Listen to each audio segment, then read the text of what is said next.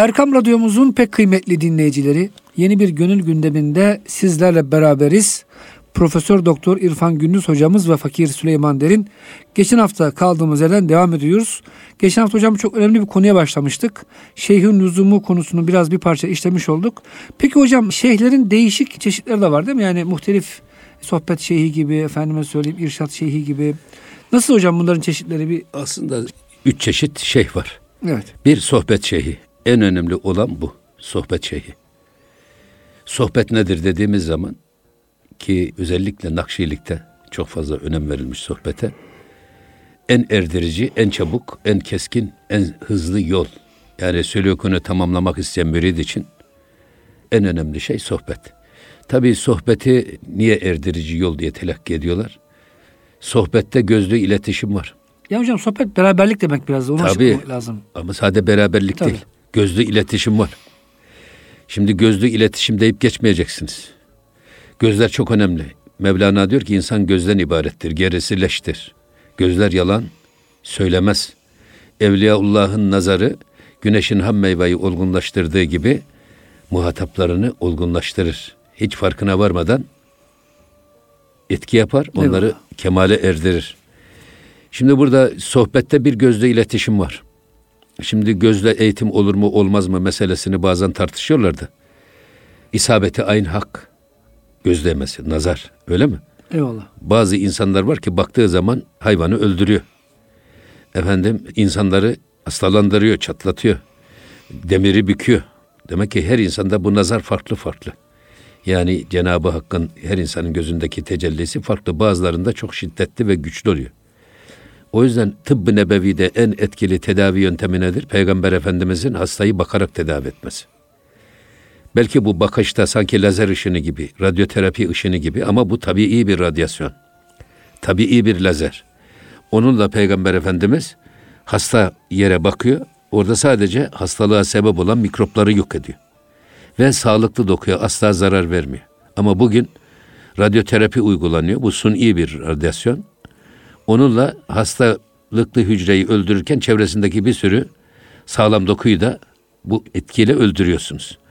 O yüzden şu anda gittikçe alternatif tıpta bu nazarla tedavi özellikle uzak doğuda hem kullanılıyor hem de uzak doğudan batıya doğru da gittikçe etkisi artıyor. Bugün hipnotizma dediğimiz hadise yani gözüyle muhataplarını etkileyen insanlar mesela göz bağcıları var ya sihirbazlar. Eyvallah. Adam gözünüzü bağlıyor. Size olmayan şey varmış gibi gösteriyor. Sizi etkileyerek nazarıyla.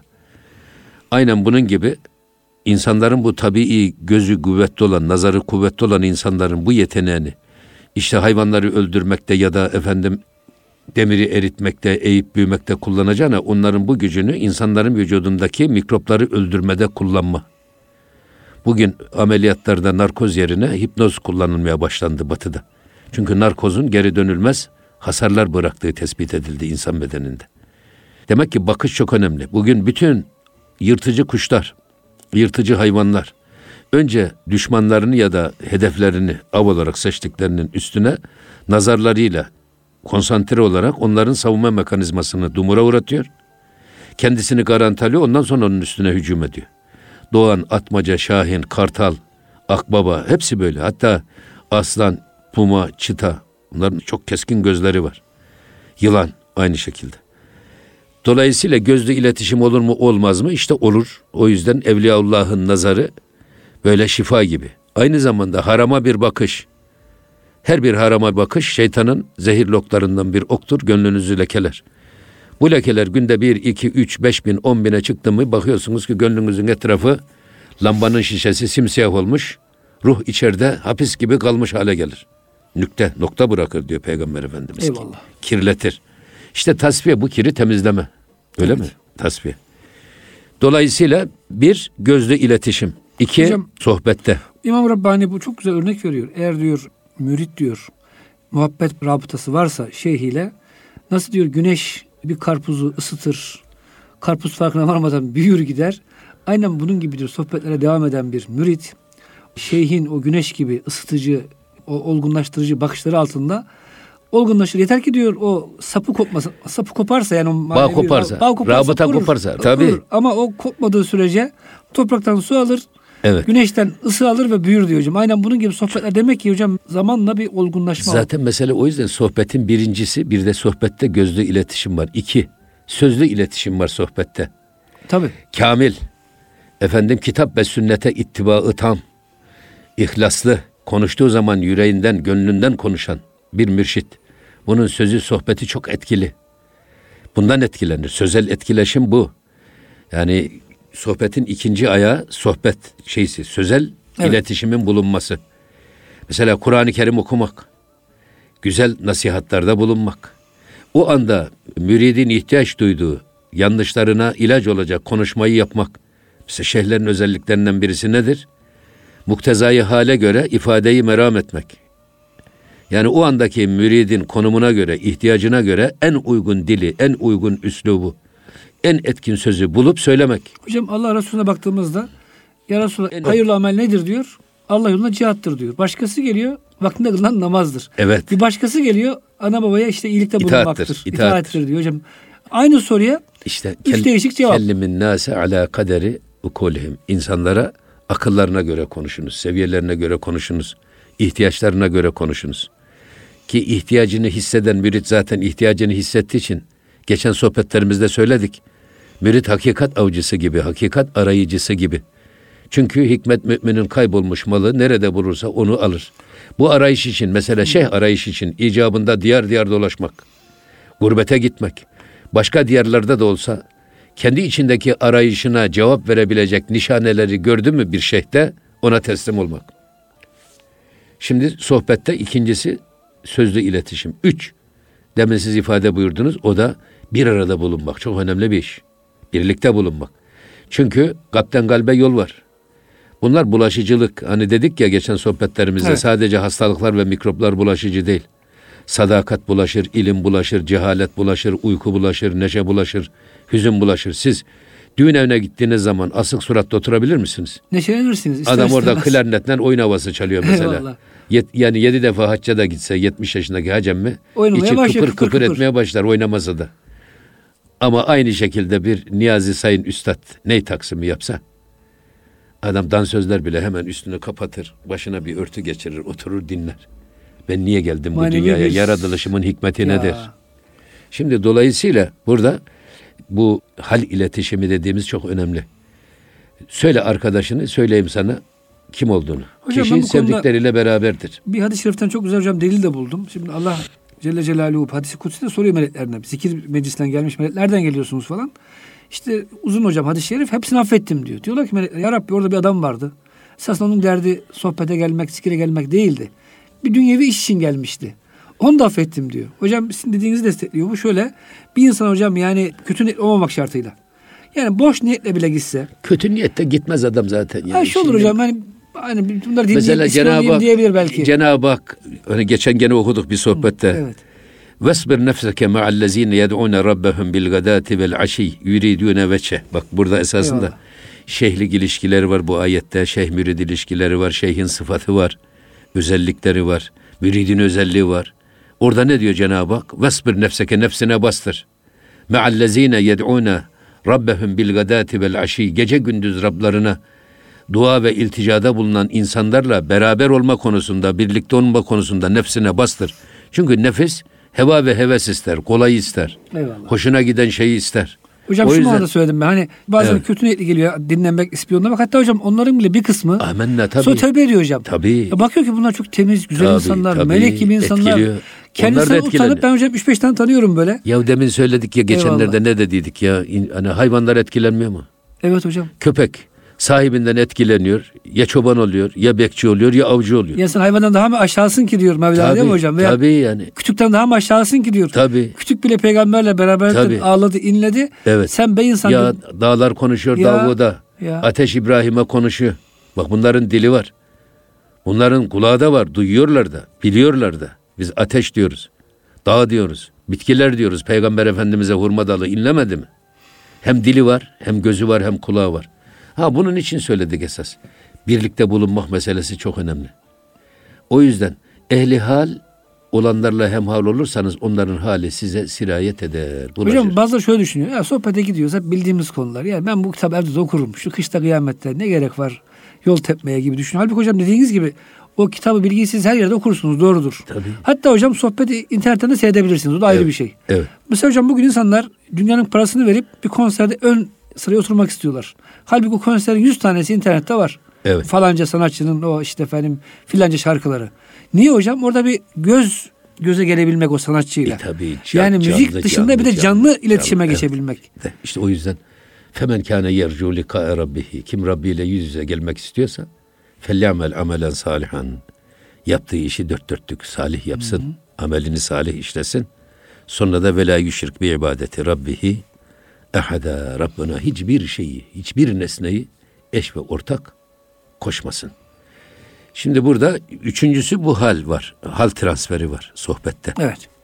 Yani hiçbir şey işte sohbetten zevk almasanız bile orada top, oldukça sohbette bulunan dostlarla, ihvanla beraber olmanın verdiği bir etkileşim var. Cömertlik, tevekkül, Dolayısıyla duygular onlar hepsi sizi havada. etkiliyor ve amib usulü iyilikler çoğalıyor. Eyvallah hocam. Şimdi siz evde tek başınıza namazınızı kılarsanız bir derece sevap alıyorsunuz. Camiye gittiğiniz zaman cemaatte kılarsanız niye 27 derece sevap alıyorsunuz? Burada çok önemli. işin psikolojik tarafı var. İşin bu hal tarafı var. Psikolojik tarafı nedir? Önce adamın ilgi ve alakasının, dikkatinin en yoğun olduğu yer neresi? Bağlarının en güçlü olduğu yer evi. Hanım bir taraftan bağırıyor, çocuklar ağlıyor, kapının zili çalıyor, telefon çalıyor. Siz bakıyorsunuz evde namaz kılacaksınız. Yüz binlerce lira para verip bir hal almışsınız. Halının üstüne çocuklar mürekkep dökmüş. Namaz kılarken dikkatinizi çekiyor. Badana yaptırmışız, odayı kirletmişler, duvarları çocuklar yaz yazmışlar. O yüzden burada esas mesele evimizi önce terk ediyoruz. Bak psikolojik olarak. Fiziken terk ediyoruz. Bu aynı zamanda psikolojik olarak da terk ediyoruz. Sonra sokağımızı terk ediyoruz. İkinci en yoğun alakamız mahallemiz. Oraya da terk ettik. Tam geldik caminin avlusunun başına. Hemen camiye sokmuyorlar. Caminin kapısından giriyorsunuz bir berzah alemi gibi çok güzel düzenlenmiş peyzajı mükemmel bir cami avlusu. Oradan geliyorsunuz camiye gireceksiniz. Hemen sağında bir cami yaptıran zaten türbesi Türbesi. ve yakınlarının haziresi var. Oradaki şeyler. Bir de hocam güzel ağaçlar böyle Ne hatırlatacak? ağaçları. Ya ne La hatırlatacak? ilahe illallah der gibi Ya parmağını ne hatırlatacak kaldırmış. o mezar? Şimdi ben Süleymaniye, Fatih'e girerken diyorum ki ya dünyada sürekli yaşaması gerekli olsaydı Kanuni mi Fatih mi daha çok yaşamaya layıktı sen mi? Elbette o. O öldüyse Yani. sen de öleceksin. Aklını başına al. Bu hiçlik mesajı veriyor. Hani tekkelerde hiç var ya bir hiç. Hiç evet hocam. Ondan sonra camiye girerken sağ ayağınızla giriyorsunuz. Çok önemli bir iş bu. Hocam hiçlik dediğinizde şimdi bazı sohbet ortamları var. Bunu zaman zaman duyuyoruz maalesef. İşte dinin ve maneviyatın maddiyata alet edilmesi. Sanki kart bizi taşır gibi. İnsanlar hocam böyle bazen sohbetlere katılıyorlar. Tanınmak, bilinmek ve oradan iş kotarmak için maalesef. Bu da hocam zaman zaman duyuyoruz. Bu tür yanlış yapılanmalar diyelim. Yani maneviyat ortamı orada insanlar manevi feyiz alması gerekirken böyle oluyor mu hocam nedense? Ama, ama işte burada şimdi yanlış şeyhler de var. Yanlış Davutlar yok mu? Olmaz mı? Ebu Cehiller yok mu? Ebu Cehiller ölmedi ya Muhammed. Kıtalar dolaşıyor diyor şey. Arif Nihat Assev rahmetli. Kıta Ne kıta. Ebu Cehiller öldü ne Muhammedler öldü. Ne hak öldü ne batıl öldü. Hepsi yaşıyor. Hepsi dipdiri birbirleriyle mücadelesini devam ettiriyor. Burada esas dava sahte Davutlar da var, sahte İsa'lar da var. Sahte Musa'lar da Mehdiler var. var, var, o zaman var. yapacağınız iş buradaki tefrik görevi müride aittir. Mürid ölçecek, tartacak, bakacak. O da hocam Kur'an ve sünnet bilgisi olacak o zaman. Tabii o yüzden söyledik ya biz Kur'an-ı Kerim ve sünnete ittibaı tam. Ameli salih sahibi. Yüzüne baktığınız zaman size Allah'ı hatırlatan. Baktığınız zaman sanki içerinizi, gönlünüzü delecek kadar keskin ama aynı zamanda müşfik ve merhametli bir bakış. Ben bunu bütün şeyde gördüm. Kamil insanlarda. Çok keskin gözleri var. Hocam Sami Efendi'nin böyle gözlerine bakılmıyor hakikaten öyle derler. Büyük Öyle. Allah Teala böyledir. Şimdi Sami Efendi'nin bu konuda hocam güzel bir sözü var. İlimle alakalı yani bilgiyle alakalı. Yola girmeden belli bir bilgiye sahip olmak gerekiyor. Diyor ki cahilin teslimiyeti kolay, irşadı zordur. Alimin teslimiyeti zordur. Bildiği için hemen İrşadı teslim kolay. olmaz ama bir kere teslim oldu mu da zaten Kur'an sünneti biliyor. İrşadı kolaydır diyor. Şimdi hocam günümüzde şöyle bir şey de oluyor maalesef. Bazı insanlar ilk gördüğü insana hani diyor ki Mevlana Hazretleri diyor yüz seçici ol diyor. Yüzlere baktığın zaman tanıyıcı ol. Eğer tanıyamıyorsan çok acele etme. En azından şunu söylüyor hocam büyükler. Yani o zatın yetiştirdiği insanlara bak. Belki zatı tam tanıyamazsın. Falanca efendi. Belki yanına gidip konuşmak, sohbet etme imkanı olmaz ama bir meyvesine bak. Bu meyvesinde bir kalite var mı? Tezahürüne bak. Tezahürüne bak Evet. yani kal- Evet. meyveler kalitesiz. Diyelim ki hep böyle e, yani bozuk, şekilleri bozuk, ahlakları düzgün değil. O zaman uzak dur ama meyveleri güzel. Bakıyorsunuz ki müridan hepsi böyle yüzleri nurani, cömert insanlar, hoş insanlar. E o zaman demek ki bu şey efendi güzel insan diyorsunuz hocam. Şimdi bu tabii en önemli şey sohbet şeyhi derken bunu söylüyoruz. Bu üç şart var. Bir dördüncüsü var. Bir de sohbet işte. Sohbette bu üçü bir arada bulunduğu için gözlü iletişim, sözlü İletişim. iletişim, hal transferi bulunduğu için sohbet en erdirici, en keskin, en çabuk kestirme seyr sülükte başarı yoludur. Kemale ulaşmada en kısa yoldur. O yüzden sohbet tarikatı şeyhi gerçek şeyhtir. Hocam Bahattin Akşipend Hazretleri ne buyuruyor? Tarikatuma der sohbet esti diye. Tabii. Değil mi hocam? Bizim tarikatımız sohbet tarikatıdır buyuruyor. Eyvallah. Zaten Peygamber Efendimizin gördüğü, onunla sohbet şerefine nail olanlara da ashab deniyor sohbet kökünden. Eyvallah. O yüzden bu sohbet çok önemli. Söyle arkadaşına sana kim olduğunu söyleyeyim. Kişi sevdikleriyle beraber haşrolur. Kişi sevdikleriyle beraberdir. Şimdi adamın sevdiğine bakarsanız onun karakterini de çözersiniz. Arkadaşını bakarsanız onun da karakterini çözersiniz. Arkadaşı gibidir. İnsan sevdiğine meyleder. Mesela anne sevdiği evladına meyleder. Öyle mi? Yani Tabii. buradaki iş orada demin sizin söylediğiniz var ya. Karpuzun bağı işte o rabıta dediğimiz hadise o sevgi ve sadakat. Eğer Hocam siz, rabıtaya geleceğiz inşallah. Ayrı tabii bir siz gönül bağınız, sevgi bağınız, sadakatiniz ne kadar sağlamsa, bu bağlılığınız ne kadar güçlüyse şeyhten alacağınız feyz ve bereket de o kadar güçlüdür. Yani bu sizde başlayıp sizde biten bir iştir.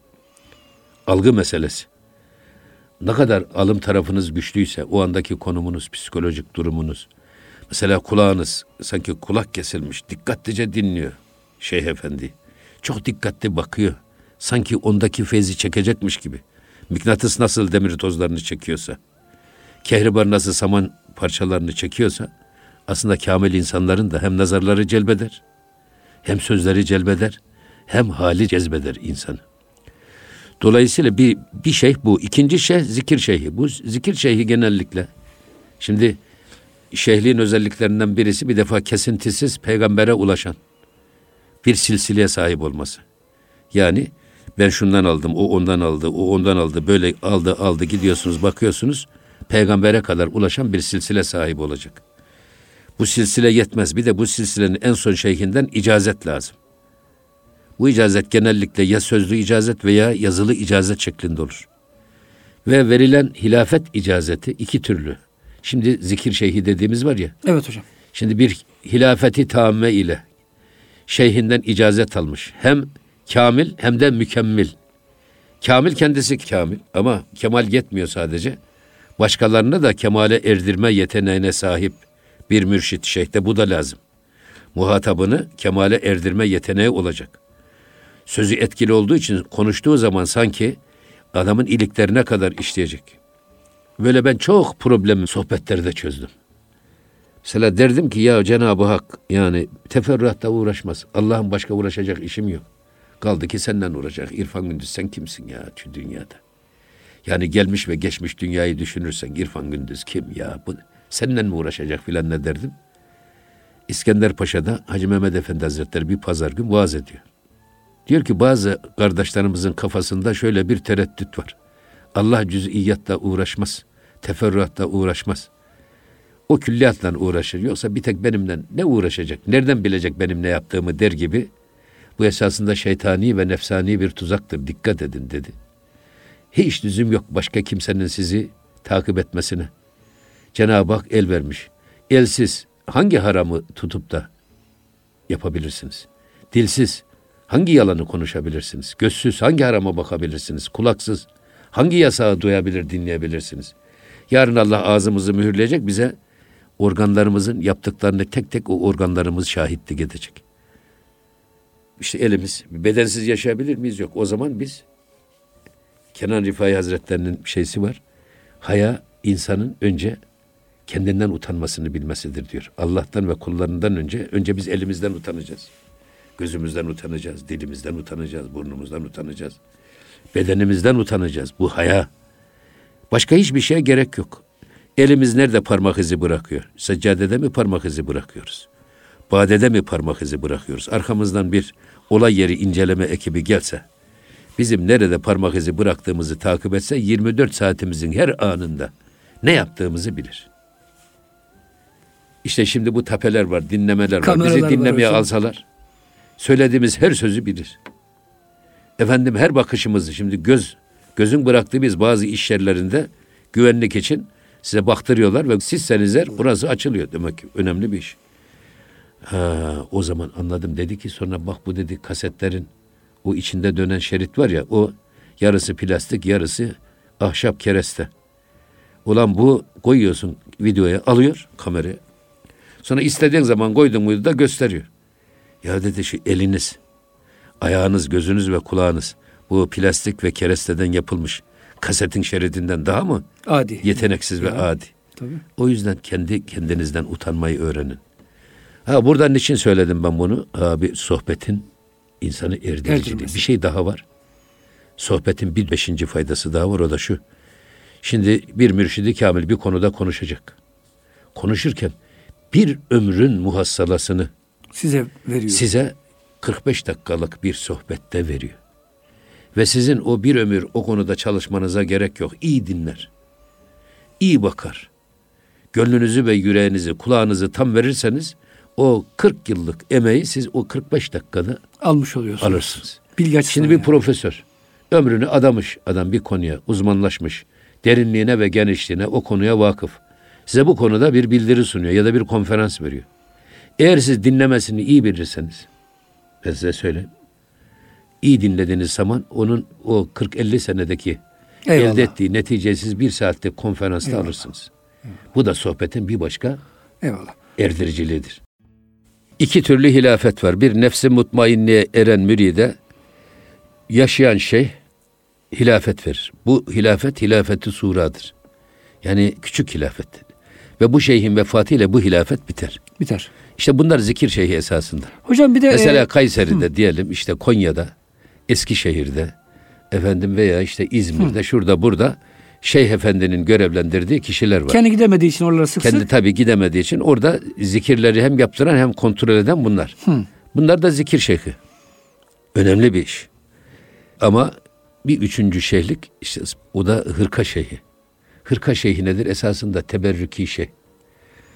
Aslında tarikatlarda bir adam bir tek şeyhe intisap eder. evet. Başka şeyhlere gitmesi pek fazla hoş karşılanmaz. Sebebi nedir? Adam gider, kendi şeyhiyle onları kıyaslamaya başlar. İşte bu kıyaslama esasında o müridin şeyhinden alacağı feyzi engeller. Ve hocam metotları farklıdır. Tabii Aynı me- anda hayır, üç hayır. değişik, beş değişik hayır, metot. hayır, hayır, metotları farklı olduğu kadar. Yani her şeyhin kendine göre bir frekansı var. Bir ihtisas alanı var. Belli bir grup insanı hedef alıyor toplumda. Kendi dilinden anlayacaklarına inandığı ve kendisinin de dertlerini çok iyi bildiği bir toplumsal kesimi hedef alıyor ve onlara irşad ederek Allah'a götürmeye çalışıyor. Peki başkalarını da hedef alsa ne olur? Hedef alsa hem başarılı olmaz. Kendisi açısından hem de o mürit buradan istifade etmez çünkü fıtratı farklı. O yüzden onun istifade edeceği başka bir tarikat, başka bir şeyhtir. Ama esas burada müridin demesi lazım benim şeyhim en bilgilisi, en ihlaslısı, en yücesi, efendim en kamili. Bunu bilmesi lazım ki ondan feyz alsın. Ama bu başka şeyhleri küçük görmeye, başka tarikatları batıl görmeye, başka tarikatları hiçe saymaya gitmemeli. Hocam bugün bu problemi maalesef yaşıyoruz. Yani bir taassup meselesi var. Yani Evet. insanlar belli bir camiye girdikleri zaman hatta hocam bu tarikatlar için de geçerli. Diyelim ki bir sitede Nakşi kardeşlerimiz oraya bir Kadiri veya başka bir şey gelse böyle bakışlar soğuk oluyor. Yani nereden geldi bu? Halbuki hocam o da zikir ehli. Hocam bu taassubun sebebi ne sizce? Yani bunu çok yaşıyoruz maalesef. Tabii bu hata esasında şeyhlerden değil. Evet. müritlerden kaynaklanıyor. Müritler bir tek kendi şeyhlerini en kamil ve mükemmel, kendi tarikatlarını hak, Diğerlerini diğerlerini batıl, Evet. diğerlerini efendim cahil filan addederek başkalarını hor ve hakir görüyor. Bunların da hepsi şeytani ve nefsani bir tuzak. Ya bırakın herkesin Peygamber Efendimiz ne buyuruyor? Eshabi ken nucumi izektedeytüm ihtedeytüm. Benim ashabım yıldızlar gibidir. Hangisinin eteğinden tutsanız hidayete bulursunuz. Şimdi Hazreti Ebu Bekir'in meşrebi ufaklığı, Hazreti Ömer'in meşrebi farklı, Hazreti Ali Efendimizin farklı. Hazreti Osman radıyallahu anh'ın farklı, farklı farklı. Efendim Haris bin Esed el Muhasebi'nin farklı, İmam Gazali'nin farklı. Herkesin değişik. Her yiğidin bir yoğurt yiyişi var. Biz hangi yiğidin yoğurt yiyişi hoşumuza gidiyorsa, bizi Meşrebimize etkiliyorsa göre. biz oraya geçeriz. Oradan yürürüz, öteki de öbür yoldan yürür. Esasında biz başkalarından sorumlu değiliz, kendimizden sorumluyuz. Biz kendi içimize dönüp de hem şeyhimizden istifadenin hem de kemali daha çabuk elde edip o yolda tırmanmanın yolunu aramamız gerekirken nefs ve şeytan bize hep başkalarını göstererek bize kendimizi unutturur. Bu toza düşmemek lazım. Yani şeyhimizi seveceğiz, çok seveceğiz ama başkalarını da hocam herhangi bir aleyhinde konuşmak. Tabii. Zaten olmaz. Dünyada bir sürü kadın var da biz birisiyle nikahlanıyoruz. O da bizim gözümüzde en güzel. Neslimiz oradan türüyor. Bunun gibi aynı bir şey. Ama başka kadınları yani lekeli görmek, küçük görmek, horva hakir görmek bu çok yanlış bir şey. Kıyaslamak da doğru değil. Eyvallah. Ya benim hanımım mı güzel, sokakta gördüğüm mü güzel diye kıyaslarsanız evdeki hanımla olan gönül bağınızda kopma olur. O da olmaz. Evlilikte biter. Yani bunu hangi şeye uyarlarsanız değerlendirebilirsiniz. Bir öğrenci öğretmenini hem çok bilgili hem üstad kabul etmezse o öğretmenden feyz alamaz. Bilgi de öğrenemez. Çünkü adamı küçük görüyor. Tabii. Olmaz. Dersinde uyuyor. Efendim bir futbolcu antrenörünü kendisinden daha bilgisiz addedersen ne o antrenmanlara katılır ya da ne de o antrenörün gösterdiği taktiğe uyar. Uymadı mıydı da futbol, takım oyunu. Bakıyorsun, takımda düşüş başlar. Başarı grafiği aşağı doğru inmeye başlar. Aynen bunun gibi yani biz evet şeyhimizi en kamil ve mükemmel göreceğiz. Ki bu sadakatimiz ve bu bağlılığımız, bu rabıtamız ne kadar güçlüyse bizim hem kemalde tırmanışımız o kadar çabuk hem de feyz almamız, etkilenmemiz daha güçlü olur. Hocam şurası var. Bazen ben 40 senedir gelip gidip bir şey anlamadım diyor. Demek ki hocam isteğinde, talebinde bir sıkıntı var. Tabii. Yani devesi kaybolan adam gibi böyle Tabii, yana tabii. yana aramıyor. Ya tabii. Hani derler hocam Ha. el elin eşeğini ıslık çala çala ararmış Evet, hesabı. evet. Bir insan var ki hocam kaybetmiş. Kendi aslını bulmak için böyle yana yakıla arıyor. Bir de başkası var ki hani tok ağırlamak zor olur derler. Tok. Evet. Böyle keyfini arıyor yani şeyine hoş vakit geçirmek için arıyor. Ciddi Tabii. bir Şimdi şey burada aramıyor. üçüncü şeyh, hırka şeyhi. Bu da bazı tarikatlara, diğer tarikatlardan da gelen olur. Teberrüken. Çok hoşuna gider mesela o şeyhin. Tutar ona bir hırka hediye eder. Aslında bu hırka hediye etme meselesi tarikatlarda çok önemli. Neden? Bu bir sünneti seniyeyi, fiili sünneti ihya etme anlamındadır aynı zamanda.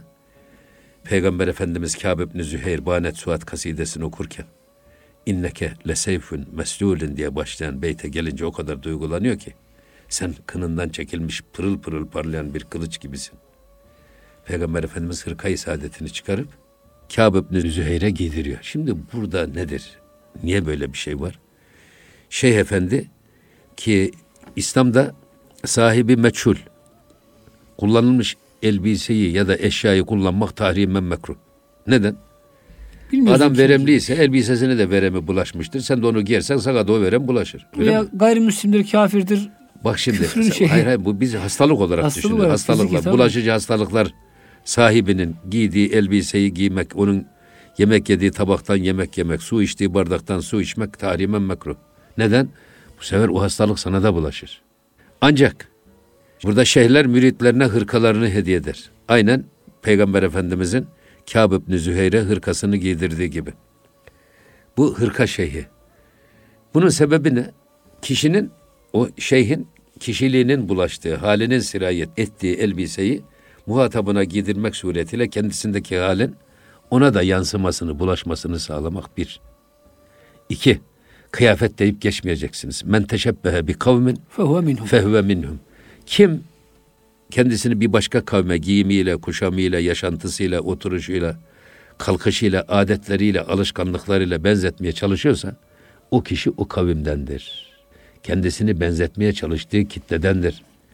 Şimdi burada Şeyh Efendi hırkasını giydiriyor ki bu derviş de kendileri gibi olmaya çalışsın. Onlara benzemeye çalışsın. Bu elbise bir anlamda ikinci anlamı da odur kişiliğinin bulaşması bir, halinin sirayeti ikincisi. Bunlara benzemeye çalışsın ki böyle benzemeye çalışarak dervişler de şeyhler toplumuna doğru yol alır ve onlara benzemeye çalışır. Bir üçüncüsü Şimdi eskiden toplumda hocalar hoca olduğu bilinecek kıyafetlerle dolaşırlarmış. Dervişan da hangi tarikata mensup olduğu giydiği kıyafetten anlaşılacak şekilde giyer ve öyle dolaşırmış. Bunun sebebi ne?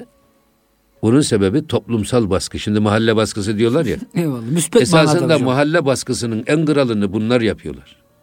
Türkiye'de bu layık kesim, liberal kesim falan var ya öyle rahatsız oluyorlar ki bu şeyden. Yani Müslümanların kendi kimliği ve kişiliğiyle dolaşmasından. Hem de İslam ülkesinde. Hadi onlar arasından birisi çıkıp da böyle bir işte Müslümanları hoş karşılayan bir açıklamada bulunduysa adamın üstüne hemen çullanıyorlar. Eyvallah. Biz mahalle baskısını onlardan öğrendik esasında. Bizde böyle bir şey yok ama mesela biz İmam Hatip'teyken beyaz şeritli şapka giyerdik ve şapka giymek mecburi. Şimdi İmam Hatip öğrencisi Kayseri'nin çarşısında dolanırken er kafasında şapkası varsa hareketlerine daha dikkat etmeli. Öyle mi? Tabii. Bu işte toplumsal murakabenin etkisiyle insanın gönlünün kaymaması, Hocam bugün, ahlakının sapmaması için bir tedbir. Hocam bugün kılıkta, kıyafette her şeyde bir başıboşluk var. Yani başıboşluk ve negatif manada hürriyet sanki büyük bir şeymiş gibi hocam takdim ediliyor. Yani eleştirilerde dalga geçmek, alay almak, Müslümanları şey yapmak basın hürriyeti gibi mesela gösteriliyor. İşte kılık kıyafetteki her türlü kepazelik başka bir hürriyet gibi gösteriyor. Hocam böyle bir şeytani gidişat var maalesef. Maalesef şimdi ipin ucu kaçmış. Evet. İpin ucu kaçtığı için ama biz o ipin ucunu yakalamak zorundayız. Eyvallah hocam. Kaçış Önce yok. biz kendi ipimizi yakalayacağız. Bak kendi içimizdeki ipi yakalayacağız. Bak biz burada her sohbetimizde diyoruz ki sözümüz önce kendimize. Kendimize. Ya. Öyle fil dişi kuleden oturup başkalarına ahkam kesmek kadar kolay hiçbir şey yok. Oturduğu ahır sekisi çağırdığı İstanbul türküsü. Biz Erkam Radyo'da oturmuşuz millete ahkam kesiyoruz. Yok. Önce nefsimize. Eyvallah hocam. Önce biz kendi nefsimizin ipini yakalayacağız. Eğer kendimizin ipini yakalarsak dışarıdaki şeyler bize pek fazla zarar vermez. Kendimizi yöneteceğiz, kendimizi idare edeceğiz, Eyvallah. kendimizi irşad edeceğiz. Bu niyette şeyhimize hem can kulağıyla bağlanacağız, yürekten bağlanacağız. Onun değil bakışını, sözünü, efendim halini içeceğiz ki içimize sinsin. Kendimize mal edelim. Aynı iyileşme budur zaten kişinin şeyhiyle aynıleşmesi. İnsan gerçekten bakıyorsunuz eş eşe benzer diyor Mevlana. Ayakkabı alarsınız diyor çarşıdan ama ikisi de ayağınıza tam olması lazım ki Biri size faydası olsun. Doğru. Biri sıkarsa öbürü de işe yaramaz hale gelir. Eyvallah. Bu yüzden zamanla diyor eşler birbirine benzerler. Tencere ve kapak gibi. Eyvallah. İnsan arkadaşına benzer. Birbirlerini böyle etkilerler. Hırka bu yüzden hediye edilir. Mesela şeyde bazı eğitilmiş köpekler var. Bir suçlunun olay yeri inceleme ekibi geldi. Adamın izmaritini buluyor mesela. Bir izmarit düşmüş dudağından. Hı hı. Adam onu kokla diyorlar köpeğe. O izmariti içen kim ise köpek mezara bile girse buluyor. Onu buluyor. Demek ki adamın kullandığı eşyaya kişiliği ne yapıyor? Kokusu, Siniyor. Kişiliği her şeyi. Mendilini koklatsalar adamı buluyor. Hatta bizim rahmetli Recep Doksat hocamız bize din psikolojisine gelirdi. İyi bir hipnozcu ve Türkiye'de hipnozu Tahir Özakkaş'tan önce getiren o sonra da Tahir Özakkaş getirdi Türkiye'ye hipnozu. Yani ilim olarak. Eyvallah. Hocanın kitapları var bu konuda Recep Doksat Hoca'nın. Bir arkadaşını buradan İzmir'e gönderiyor ama arkadaşının bir mendilini alıyor. Diyor ki bak sen şu saatte Haydarpaşa'dan trene bineceksin. Bindiğin saatten itibaren İzmir'e gidip gelinceye kadar Haydarpaşa'ya senin hangi saat nerede ne yaptığını ben sana anlatacağım diyor. Notuna al. Ve hoca onun o mendilinden takip ediyor hoca. Hipnozla tabii. Sen şu saatte yemek yedin, şurada çay içtin, şu saatte indin, mola verdin, orada işte şöyle yaptın, böyle yaptın filan bütün adım adım anlatıyor. Ha burada işte o eğitilmiş köpekler de suçlunun mendilini koklatıyorsun. Adam nereye gitse onu arayıp buluyor. Nereye gitse o adam onu arayıp buluyor. Bunun gibi. O yüzden Evliyaullah müritlerine böyle hırka giydirdiği zaman o hırkayı mürit ömrünün sonuna kadar giyer. Ve öldüğü zaman da onu kefeninin üstüne örtülmesini emreder. Tabi şimdi bir ömür boyu aynı hırkayı giyiyorsunuz. Ey söküldü, yırtıldı. Yaması nasıl olacak? Bunun dikişi nasıl olacak? Bu konuda sufiler ihtilafa düşmüşler. Avarifül Marif'te Şihabettin Sühreverdi öyle anlatıyor. Diyor ki bazı meşayih izam diyorlar ki öyle güzel yamayacaksınız ki o kumaşın aynısını bulacaksın. Öyle narin ve naif dikeceksin ki dikiş hiç gözükmeyecek ve yama aslından ayırt edilmeyecek hale gelecek. Aksi bir dikiş, kaba saba dikiş, Allah'tan gafletle yapılan dikiş anlamına gelir diyor, caiz değildir. Enteresan bir şey. Eyvallah hocam. Yaptığınız işi güzel yapın. Allah yaptığı işi güzel yapanı sever hadis-i şerif var ya. Allah'ın gözü önünde dikiş yapmak işte. Yamayı dikiyorsunuz. Hırkayı yamıyorsunuz. Bazı meşayih de diyor ki ya hiç önemli değil diyor. Bu zahiri bir şey. Esas içinizdeki dikişleri böyle hassas davranın da dışarıdaki dikişe itibar etmeyin çünkü iğne nereden girdiyse oradan çıksın. Hiç önemli değil kaba saba dikiş. Aksi halde insan dikkatini dikişin düzgünlüğüne verirken Allah'tan gaflete düşebilir. O yüzden hiç önemli değil. Siz gönlünüzdeki yaralara yama bulmakta ve onları yamalarken de yaptığınız dikişe dikkat edin diyorlar. Şahabettin Sühreverdi. O kadar hoşuma gider ki bu benim. İşte bu hırka şeyhi de budur. Hırka şeyhi bunu biraz daha açabilirsek eğer biz kendi şeyhimizin giyimi, kuşamı, tipi, yürüyüşü, ibadet şekli, gülüşü yani 24 saatindeki yaşama biçimi bizim için en güzel üsve-i model, üsve-i hasene. Onun için biz onlar gibi olmaya çalışacağız. Onun gibi giyineceğiz, onun gibi yiyeceğiz, onun gibi konuşacağız, onun gibi güzel ibadet edeceğiz. Ki ancak o şekilde kemali hızlandıralım. Hocam bir de bu teberrük geçti ya şimdi. Evet. Demek ki evvelden tarikatlar arasında dostane bir ilişki de varmış. İşte Kadiriler Nakşilerden, Nakşiler Mevlevilerden, Mevleviler Bektaşilerden hırka giyerek. Ama burada tabii bir şey var, yalnız şu var.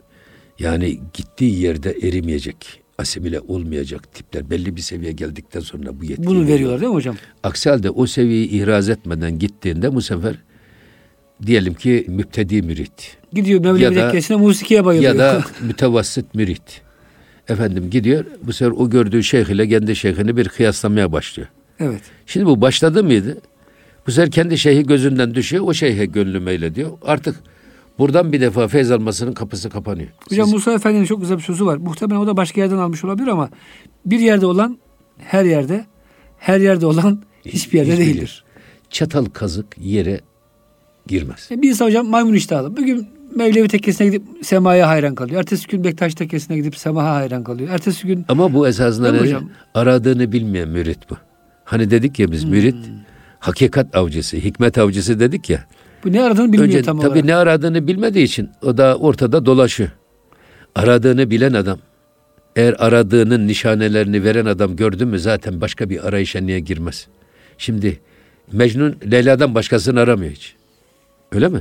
Hocam bu konuda tam güzel bir mesnevide hikaye var. Onu anlatalım. Vakitte dolmak üzere zaten. Şimdi Mecnun köyünden gidecek Leyla'nın köyüne.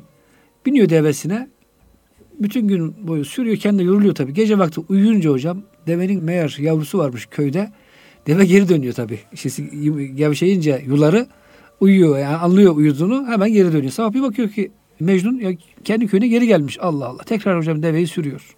Tekrar bayağı bir yol, yolun ortasında gece oluyor tabii. Tekrar gece uyumaya başlayınca deve tekrar geri geliyor. Sabah diyor ki artık Mecnun ya deve diyor senin sevgilin başka yerde, benimki başka yerde. Artık diyor yollarımız ayrıldı diyor. Onu bırakıp kendi şeyine yoluna düşüyor hocam. O yüzden hocam hakikaten bu şey kararsızlık hali. E tabii.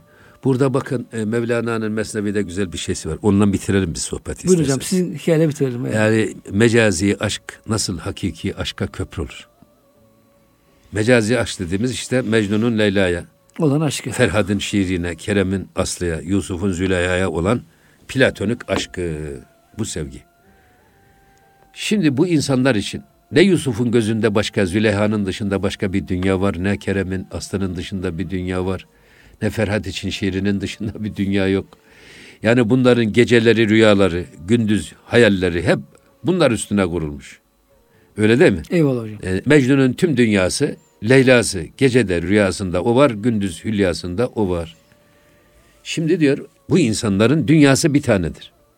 Dolayısıyla kamil böyle bir mürşide, mükemmel bir mürşide yolları düşerse, Onu mürşid bunu izah ederek, anlatarak ya yani ölümlü, fani böyle bir sevgiliye insanın bütün gönlünü, yüreğini, efendim zamanını ona vermesi büyük bir hederdir.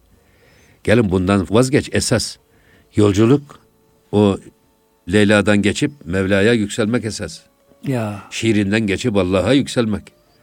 Bunun gerekliliğini anlattığı zaman adamın dünyası bir tane olduğu için bir makasla o bağı kopardı mı Direkt ilahi işte aleme Mecnun'un gideceği Mevla'ya, efendim Ferhat'ın gideceği Allah'a gider. Fakat öyle insanlar var ki ne sevdiği belli ne sevmediği belli. Ve her şeyi seviyor. Bu esasında bu bizim gençliğimizde böyle çok olurdu. Yani e, sınıfta arkadaşımız olur ona aşık oluruz geliriz otobüse durağına gelirsin orada gördüğüne aşık olursun. Çocuk. Otobüse binersin gördüğüne aşık olursun. İnersin otobüsten sokakta yürüyen ederken ne sevdiğin belli ne de sevmediğin belli. Bu adamın dünyası diyor o kadar çok ki. Her gördüğüne gönül veren bir adam. Bunların diyor dünyası koyun tüyü gibi diyor. Kes kes bitmiyor. Saymaya kalksanız bir defa saymak mümkün değil.